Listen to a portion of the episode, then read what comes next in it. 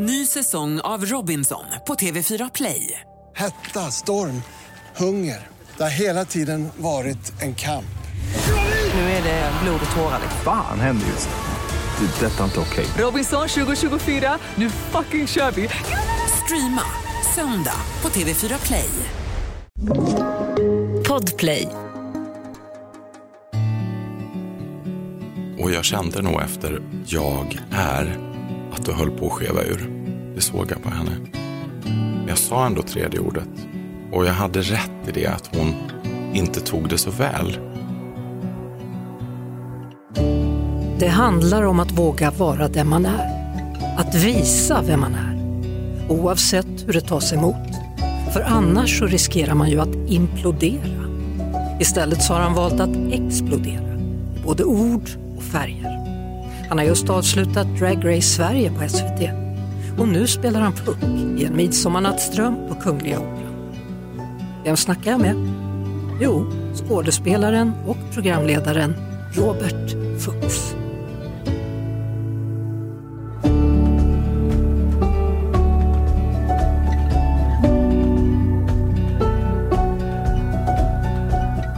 Varmt välkommen. Tack. Hur är läget? Jo, det är alldeles utmärkt. Det är lite av varje som jag brukar säga till folk som jag träffar. Ja, Robert Fuchs, eh, du var ju med inför starten då av Drag Race Sverige och nu har det gått ett litet tag. Hur blev mottagandet?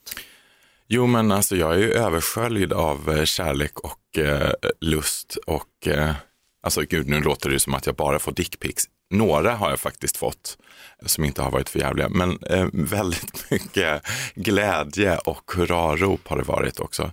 Och sen inspirationsbilder från folk som antingen tittar på programmet och har liksom fest när de kollar och vill visa det, eller liksom vill visa att de har börjat med drag. Så det är hur roligt som helst. Så, så det finns förutsättningar i Sverige för en fortsättning? Ja, absolut. Jag hoppas ju att det här får fortsätta. Och en del har ju klagat då såklart och sagt att här är det, det är inte bra det här. Nej. Samtidigt som hotellromantik kan gå utan problem med nakna kroppar. Ja, Vad är skillnaden? ja, eh, Skillnaden är väl att ni har inget naket i ert program. Nej, och, och när man säger så här, de visar brösten, ja men det är ju liksom latexpattar här. Är det naket då eller är det en kostym? Kan jag tänka hela tiden. Men, eh, nej, men det är klart att folk blir upprörda och eh, vissa blir provocerade av sånt här. Ska det rymmas, ska det inte rymmas inom public service? Men sånt ska vi diskutera tycker jag. Och det är anledningen till varför jag tackade ja till eh, uppdraget. Men är inte det själva grejen, liksom, att man inte själv säger att nu ska jag provocera, utan att man gör någonting och sen kan andra reagera på det. Det är, det är inte jag som ska bestämma vad som är provocerande för andra. Mm, Verkligen. Förstår du vad jag menar?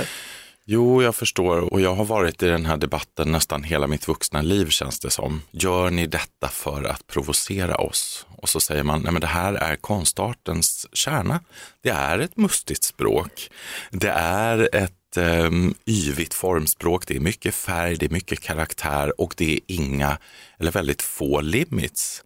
Det handlar ju drag om att vara modig och vränga ut och in på sig själv. Och då kan det dyka upp saker när censuren så att säga inte finns där utan att man verkligen sätter varje knistrande sten på sig själv inifrån och ut.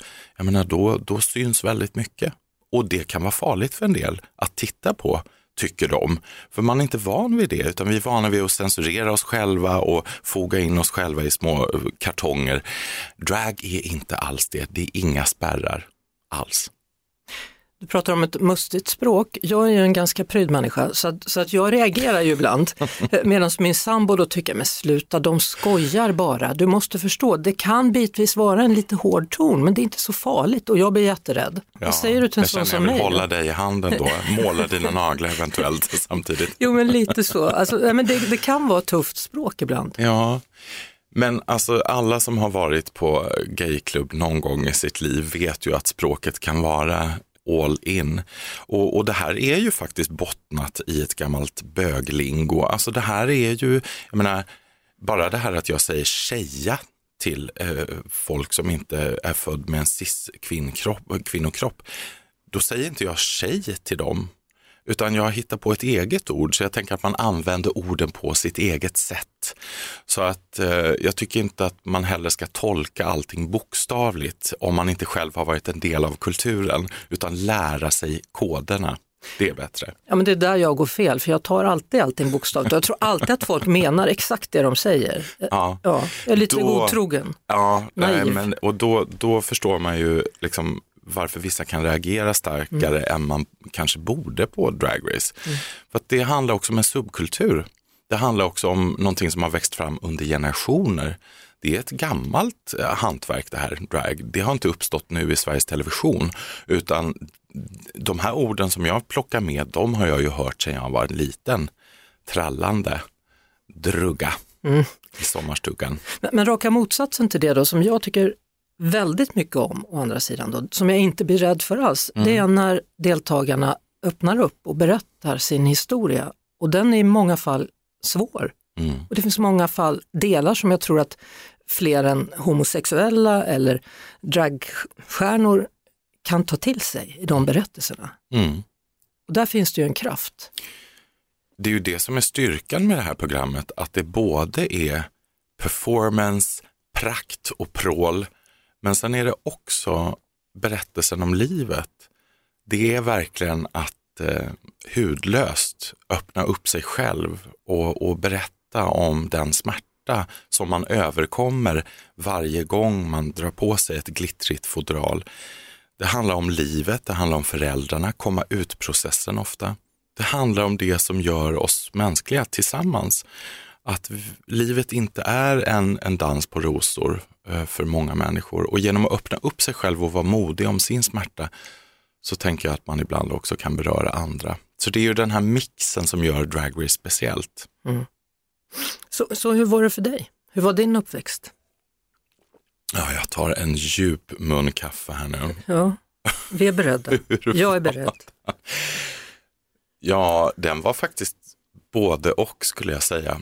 Det var ehm, ungefär som när man ligger och fyller upp ett bad och så känner man några gånger så här, "Åh, det här var lite för kallt vatten och så drar man på det allra varmaste och då blir det alldeles för varmt. Det är ganska mycket ytterligheter i min uppväxt kan man säga. På vilket sätt? Jag har ju bott i både Kalmar, en liten, liten, liten rätvinklig stad med kullerstensgator och ett historiskt förflutet. Och jag har bott i Wien, en enorm stad med mycket bladguld och också ett väldigt historiskt förflutet. Och där när man dimper ner då som barn i båda de här miljöerna och pendlar mellan dem så blir det mycket ytterligheter och familjen har rest ganska mycket, varit utspridd över världen och ibland har jag känt mig väldigt rotlös och ibland har jag känt, åh, här hör jag hemma. Så det har varit lite av varje skulle jag säga. Du har många syskon du. Ja, ibland måste jag räkna på Sju, fingrarna. eller? Ja, det är sju, sex på, är vi på pappas sida eh, och sen en på mammas. Ja. I Sydafrika finns det, har jag en halvsyster. Är du, var befinner du dig i skalan? Är du yngst, äldst, mitten? Näst yngst är jag. Så att jag har liksom hoppat ur livmodern känns det som. Med en sån här gycklarmössa med pinglor och bara, hörni, är det dags att skaka om här lite nu? Och, och när är det du klär på den där gycklarmössan första gången? Minns du? Jag har alltid tyckt om att interagera med människor skulle jag säga.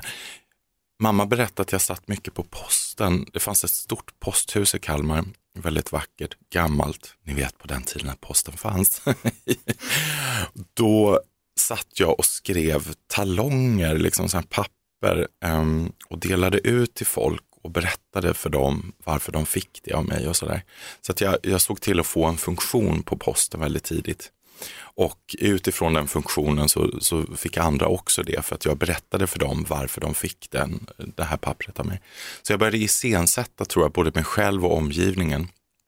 Och sen uppträda i, i, i liksom kökssoffan hos mormor och sådana där grejer. Jag har nog alltid gillat att stå på scen på olika sätt. Men, men när du uppträdde för mormor i tjocksoffan, vad var du då? Var du en sångare eller var du... väldigt olika. Ehm, på dagis finns det ju vissa bilder där jag liksom står i klänning och har hittat i utklädningslådan på Barnens gård i Kalmar, liksom en, en, någon grandios, tyckte jag då, tyllklänning. Men jag, jag skiftade nog ganska mycket, så det var, jag drogs nog inte alltid till det man skulle kalla för dragande, utan det var nog utklädningen i sig. Att kunna skifta och plocka fram olika saker i sig själv, det drar sig fortfarande till idag.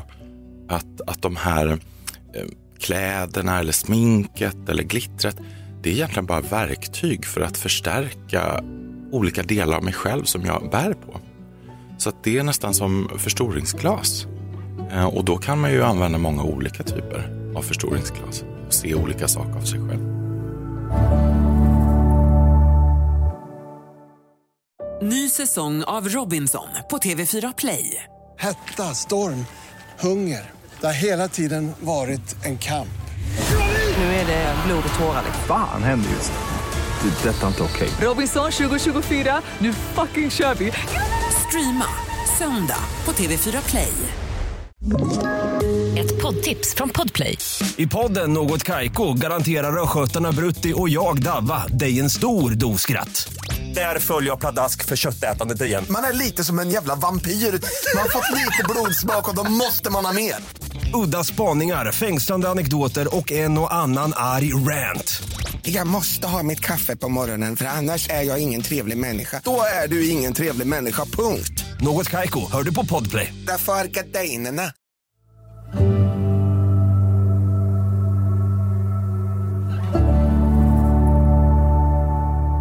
Hur var det för dig att komma ut? Då?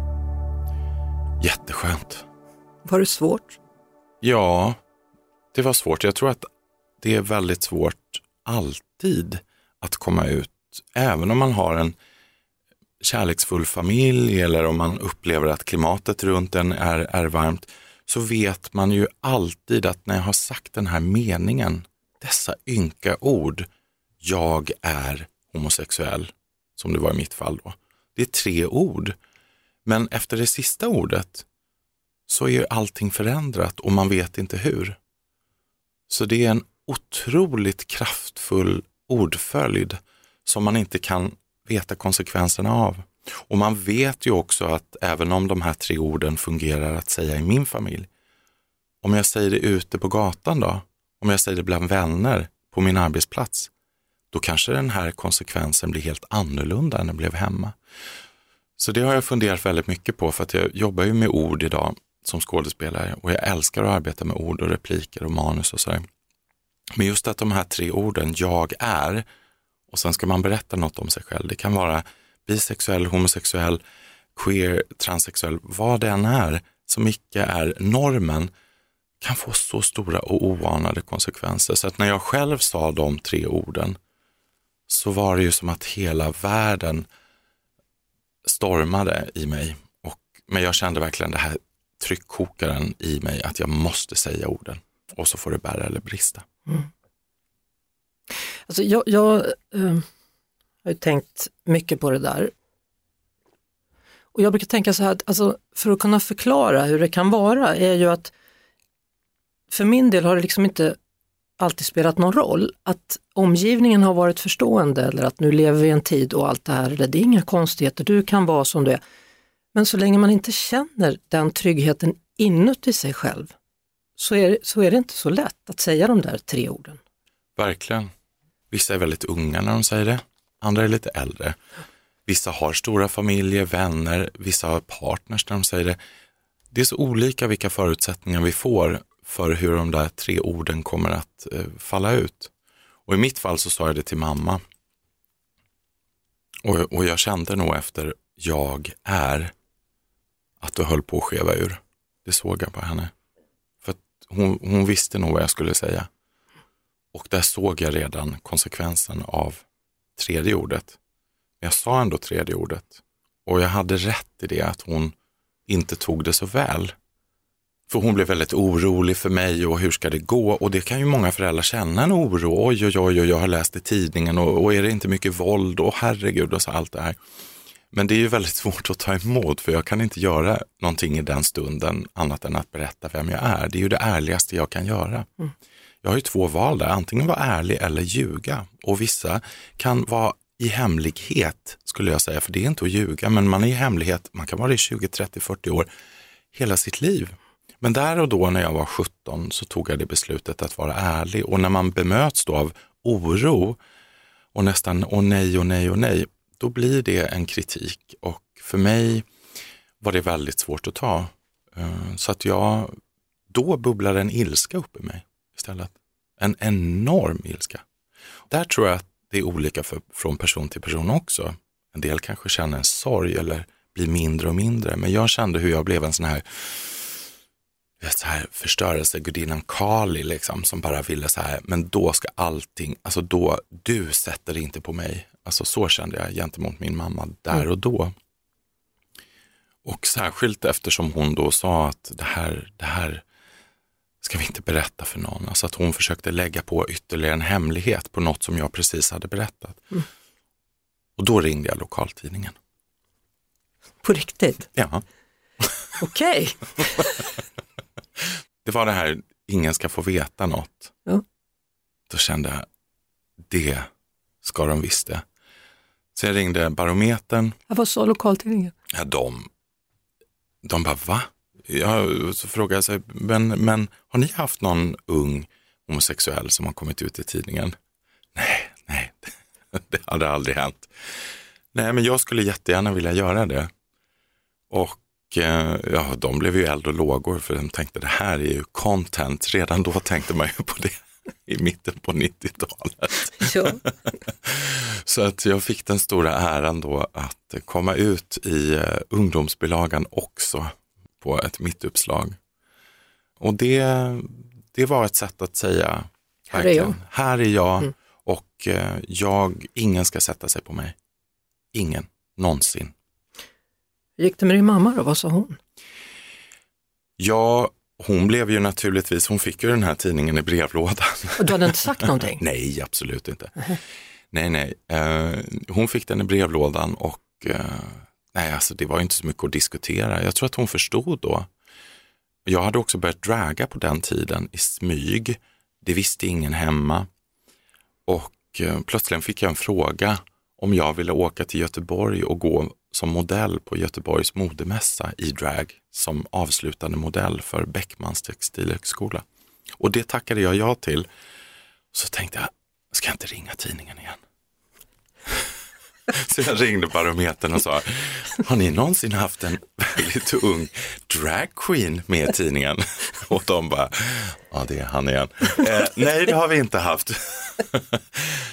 nej, men ska ni inte följa med till Göteborg?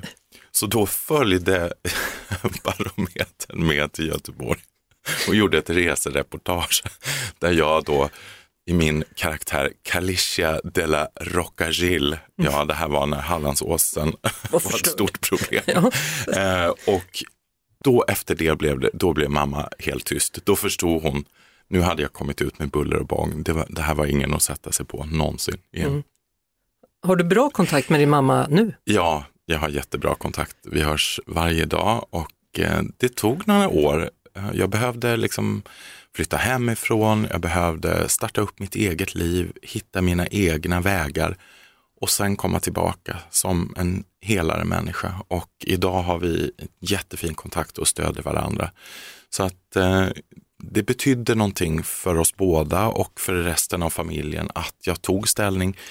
Men också att jag visade att sätt det inte på mig. Och jag är stolt och glad över den, den ådran i mig, men den kan man aldrig ta för given, någonsin.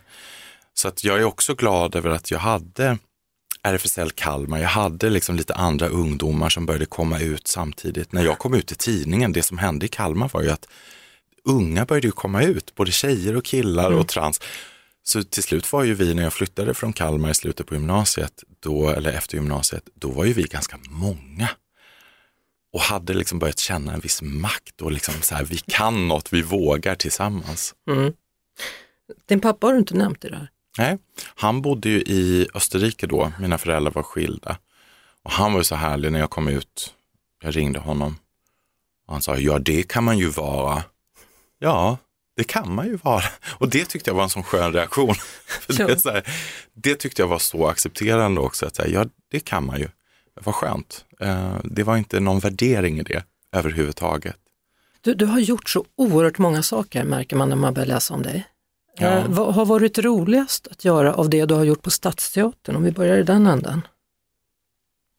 Ja, och det finns mycket, men jag skulle, skulle jag välja någonting bara så här rakt i huvudet just nu, då skulle jag nog säga Orlando av Virginia Woolf. Eh, en monolog jag gjorde 2012 tror jag. Och det var Carolina Frände som regisserade och allting utspelar sig på ett schackrutigt stort enormt golv och en Chesterfield-fåtölj i mitten där jag satt. Och det var ju en fantastisk text att jobba med, Virginia Woolf, det här queera landskapet av ord. Väldigt svårt, men väldigt lustfyllt för mig. Så där fick jag också känslan för att oj, vad mycket man kan göra med lite. Alltså hur mycket vi kan spela upp i våra egna huvuden. Och jag tänker att dragshow är samma sak. Att om jag står framför dig med läppstift och ögonskugga så vet jag faktiskt inte vilken bild du får upp i huvudet av mig egentligen. Jag kanske känner så här, ah, jag hade för små glober idag eller ah, för lite rouge. Men för dig kanske jag blir en drottning och du får egna associationer från ditt liv. Så att lita på människans fantasi och möjligheter att göra sina egna referenser, det är fantastiskt oavsett om det gäller drag eller Virginia Woolf. Ny säsong av Robinson på TV4 Play. Hetta, storm, hunger. Det har hela tiden varit en kamp. Nu är det blod och tårar. Fan händer just nu. Det. är Detta är inte okej. Robinson 2024, nu fucking kör vi! Streama söndag på TV4 Play. Ett poddtips från Podplay. I podden Något Kaiko garanterar östgötarna Brutti och jag, Davva, dig en stor dos skratt. Där följer jag pladask för köttätandet igen. Man är lite som en jävla vampyr. Man har fått lite blodsmak och då måste man ha mer. Udda spaningar, fängslande anekdoter och en och annan arg rant. Jag måste ha mitt kaffe på morgonen för annars är jag ingen trevlig människa. Då är du ingen trevlig människa, punkt. Något Kaiko, hör du på Podplay. Därför är gardinerna.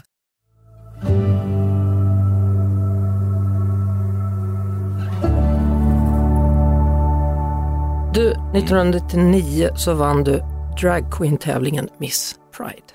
Ja, det var stort. Då hade jag flyttat till Stockholm faktiskt. Jag är född 79 så då var jag 20 när jag vann. Men jag flyttade direkt efter gymnasiet till Stockholm och så vågade jag faktiskt inte. Jag sökte första året jag var uppe i Stockholm till Europrides Miss Pride Vilket år är det? 98.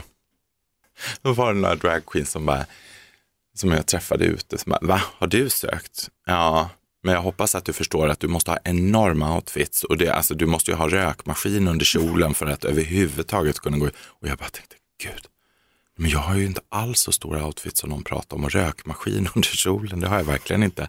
Ja, så jag avanmälde mig faktiskt 98 för att jag blev så himla rädd när de varnade mig. Och det var ju bara för att de själva tävlade och inte ville ha konkurrens. Såklart. Förstod jag sen. När jag tittade på tävlingen och ingen hade en rökmaskin under kjolen. Så ångrade mig bittert. Men 99 då kom jag igen starkt och sökte till den här tävlingen. Ja, och den vann jag. Mm, Det var jättestort. Det var en stor kändisjury som, som var eh, domare och det ägde rum på Münchenbryggeriet. 2500 personer fick man ta in på den tiden. Fullt med folk. På fredagen var det Miss Pride och på lördagen var det Mr Gay Sweden. Så att man blev en drag och en gaykille som blev representanter då under kommande året. Och sen så kom Kunigundas mammor och det var en drugbingo Ja. som är jäkligt rolig. Och då leder detta till en utställning på Kulturhuset Huset. Mm. med bingotema. Va- Berätta om det. Va? Nej, men Vad vi, händer? vi, vi uppträdde flera hundra gånger om året med Kunigunda eh, och turnerade mycket i Sverige och utomlands. Men vi fick en fråga om att göra en dagaktivitet, alltså att uppträda på dagen på en kryssning. För vi uppträdde på kvällen innan. Och sa vi, vi kan ju inte uppträda på dagen i drag, fy fan, usch vilken mardröm, solljus och eh, liksom fulla båtresenärer. Nej men det går inte.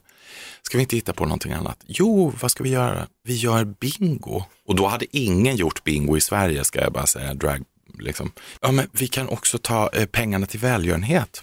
till positiva gruppen, alltså till personer som har drabbats av hiv och aids och som behöver ekonomiskt stöd av olika slag. Och ska vi inte gestalta våra egna mammor? Jo, i någon slags mardrömsversion. Jo, tyckte alla. Jo, men det gör vi. Så vi skapade ett välgörenhetskoncept då, där, som hette Kunnegundas mammor eller mammorna. Eva, Lisbeth och Ann-Marie blev vi. Det är inte våra mammors riktiga namn. Såklart. Vi kan kalla dem för Ja, det. vi kan kalla dem för det. Och vinner man då bingo med mammorna, då fick man liksom rusa upp på scenen. Det kunde ju vara 200 pers ibland som gjorde det. Och sen blev man förnedrad tills det bara var en kvar som vann. Och förnedringen kunde bestå i olika saker. Man fick dansa och göra saker. Det var ju frivilligt såklart. Men många uppskattade detta. Det blev ett stort koncept. Och det gjorde vi många år. Och till slut så konkurrerade nästan mammorna ut Kunigunda. Och sen och, blev eh, det en utställning. Ja, det blev en utställning och då var vi på toppen av Bingo Snurrals karriär. Eh, drugbingo uppfann vi ordet som hette och eh, på Kulturhuset då kom ju väldigt mycket människor och så satt, stod de framför, liksom, vi hade spelat in så här konstfilmer där mammorna stretade i snöstorm eh, genom stan. Eh, jag tror att vi gjorde en 12 timmars film utan klipp när vi åker buss och tunnelbana i ett snöigt Stockholm till Millesgården och fikar och spelar bingo med oss själva. Och då stod liksom så här konstmänniskor och tittade på det här och tyckte liksom, åh, det här var väldigt arty. det är så konstigt. Nej, det är bra. Vi pratade om tufft språk förut. Du har gjort en showföreställning som, som reste runt som heter Bögar är inte solidariska. Mm. Och bakom den titeln tror jag att det ligger ett ganska så stort allvar. Mm, verkligen. Det var en föreställning som jag gjorde ihop med ett litet eh, kollektiv som vi kallade för Tre björnar och en utter. Och eh, vi var fyra då bögar och eh, björnarna det var jag, Per Öhagen och Karl-Olof Berg och så hade vi uttern Farao Groth. Och björnar i gayvärlden det är ofta håriga, stora män liksom, som är så här omhändertagande och liksom väldigt sådär med skägg och så. Som stora hipsters kan man säga i straighta världen. Uttrar, det är liksom sådana som håller på att bli björnar men de är ofta yngre. Och Farao Groth var yngst så han fick vara uttern. Och då gjorde vi den här föreställningen Bögar är inte solidariska för att vi hade sett så mycket och hört så mycket ute på klubbar och ställen där vi trodde att alla hela tiden höll ihop och strävade åt samma håll. Och det är klart att vi ska förändra samhället tillsammans. Och så märkte man att ibland så drog eh, communityt åt så spretiga håll så att vi kände att den där gemenskapen som vi själva hade dragits till en gång när vi var yngre, den ville vi undersöka. Finns den kvar och vad händer om den inte finns kvar? Ehm, vad händer med oss då? Vad händer med gayställena till exempel? För vi såg hur de stängde ett efter ett. Varför är det ingen som kräver att vi ska ha samlingsplatser tillsammans och så vidare? Det var lite som en uppgörelse med communityt och med oss själva i ett community. Det finns ju ibland liksom en kamp mellan vem är värd mest och vem ser mest straight ut och du ser alldeles för bög ut eller du ser för, för lesbisk ut. Eller, alltså, Verkligen. Som förmodligen handlar om människors rädsla Mm. för sig själva eller hur de själva ska uppfattas. Jag vet inte. Förstår du vad jag menar? Ja, och jag tycker att det är viktigt att, att, att, att ta varandras kamp också för att jag har alltid haft mycket lesbiska vänner, ska jag säga, och jag har också haft många personer i min närhet som är transpersoner eller queera på andra sätt. Men jag har under årens lopp förstått att för alla är inte det lika självklart, utan alla har samlats lite grann i sina små bubblor. Och då tror jag att väldigt mycket går miste, för att förr om åren då kunde man samlas på vissa klubbar allihopa tillsammans. Och det betydde väldigt mycket för veckan som kom, att känna att oavsett om man är tjej, kille, icke-binär, ung, gammal, vad man nu än gillar, så finns det en kraft ihop och det är det solidaritet handlar om, att också ta varandras kamp och inte heller säga att ja, liksom min kamp är viktigast i alla tider, utan vilken kamp behövs nu? Och hur kan jag vara solidarisk med den kampen nu? Hur kan min röst höras? Och det tänker jag mycket på nu när jag har fler forum och mer makt. Att inte bara kämpa för mitt egna, alltså bög-community om jag ska säga så, utan också titta på vilka andra behöver mitt stöd idag. Så behövs Pride Absolut. 2023. Självklart. Och vi behöver också förstå att regnbågsflaggan betyder någonting. Det är också att ta en ställning för människor som kanske inte har samma privilegier som jag. Så för mig är Pride oerhört viktigt och Pride-paraden som jag har varit paradutropare för i, jag tror 14 år eller någonting i rad på Stockholm Pride. Den är också väldigt viktig. Vilka går där och varför går man där? Hur går man tillsammans? Och där kan jag tycka att där måste Pride också arbeta hårt så att det inte heller blir en reklamparad för olika företag eh, bara i största allmänhet, mm. utan att det är aktivismen, det är människorna, medborgarna som går där i första hand. Hinner du med familj mitt i alltihopa det här? Nej. Nej. Längtar du efter en relation? Jo, alltså relation har jag hunnit med. Eh, jag har varit precis tillsammans med en kille i sju år i en relation som tog slut eh, för ett par månader sedan. Men vi har väldigt fin kontakt fortfarande och eh, jag räknar honom till en väldigt nära och väldigt viktig vän, eh, person i mitt liv. Men det är klart att det finns saker man inte, eller jag har jobbat så himla mycket med så oerhört många olika saker samtidigt. Eh, så att det är klart att vissa saker hinner man ibland inte med och eh, jag kan drömma om, åh, jag skulle ha något sommarställe och dela med folk och sånt där. Men alltså jag är ju glad om jag hinner hem och, och komma i säng ibland överhuvudtaget. För det är som att när jag hamnade på Stadsteatern framför allt och fick någon slags, alltså ett heltidsjobb som skådespelare, då kände jag så här, men nu har jag ju den plattformen, då måste jag göra allt jag kan. För att tänk om inte den här platsen finns kvar för evigt. Vad, vad, vad finns det mer jag kan göra medan jag orkar? Men jag har blivit bättre nu ju äldre jag blir på att också se att jag är inte oändlig. Jag måste också ransonera energi mm. och jag måste också räcka till till till exempel familj eller kanske relation. Men, men drömmer du om barn? Nej, det har jag aldrig gjort. Nej.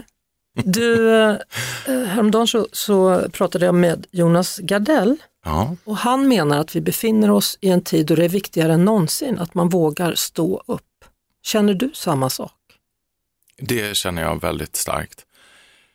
Det finns så oändligt mycket skit just nu som väller in. Uh, jag menar, jag vill ju se ett importstopp från USA på vissa företeelser och det handlar om den här ohejdade nationalismen, populismen, alltså det här, den här, det här hatet. Jag menar, Drag Race har vi ju importerat från USA, det är jag jätteglad för. Men vissa saker ska vi inte ta hit. Och jag ser redan hur det florerar den här misstron, politiker, föraktet, ifrågasättandet av demokratin. Eh, man börjar också peka mot eh, grupper i samhället och säger det är ert fel, det är ert fel. Det där har vi sett förut. Vi behöver inte upprepa och vi ska inte upprepa det. Så jag tror att det är väldigt viktigt att ta ställning i vår tid. Men vi måste också se till vikten av solidaritet eh, än en gång. För att jag tror att tillsammans blir man stark. Så att, att också börja titta på rörelser. Hur kan vi bli starka tillsammans? Och Pride är en sån rörelse. Vi måste också göra den relevant på det sättet att den faktiskt vill förändra. Så Pride är inte vilken allmän festival som helst som handlar om kärlek i största allmänhet. Det är inte så. Utan att, att, att våga, våga kliva ut och kliva fram är viktigare än någonsin i vår tid och Drag Race fyller en funktion just av den anledningen i Sveriges Television. För det, jag menar, det är då det också blir viktigt på riktigt, tycker jag, mm. att vi pratar om varför man ska få ta plats i rutan i hela sin prakt, hela sin smärta och inte be om ursäkt för det. Mm. Du, vad ser du mest fram emot? Om du någon gång sätter dig ner och sen så känner efter. Alltså, jag ser väldigt mycket fram emot vår just nu. jag är ju sån här som går och räknar vårtecken. Vintergäck, skilla, krokot. Alltså jag är väldigt sån så att jag är det är inte så att jag är grandiost eh, hel, hela tiden bara nere i mitt kostymförråd och håller på och sminkar mig. Utan jag går ut och, och letar lite pärlhyacinter då och då också. Natur. Mm. Naturmorgon. Vet du vad jag har sett? Jag har faktiskt sett snödroppar. Har du? Mm, så att det Åh, kommer. Det kommer. åh. Och pollen är redan här. Åh, vad underbart. Ja. Ja, det gillar jag också. Eh, Robert Fuchs, stort tack för ett bra samtal. Tack snälla Lotta för att jag fick komma.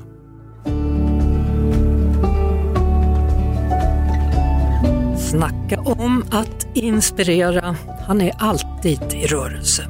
Stort tack Robert Fuchs för att du påminner oss om vikten att vara just det, i rörelse. Onsdag om en vecka då kommer ett nytt avsnitt av podden Vem snackar med Lotta? Och tills dess så hörs vi måndag till fredag på Mix Megapol i halv tre med mig, Lotta Romé.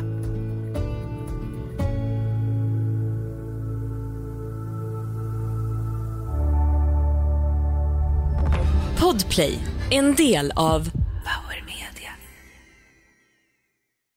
Ny säsong av Robinson på TV4 Play. Hetta, storm, hunger. Det har hela tiden varit en kamp. Nu är det blod och tårar. Fan händer just nu. Det. är Detta är inte okej. Robinson 2024, nu fucking kör vi! Streama söndag på TV4 Play.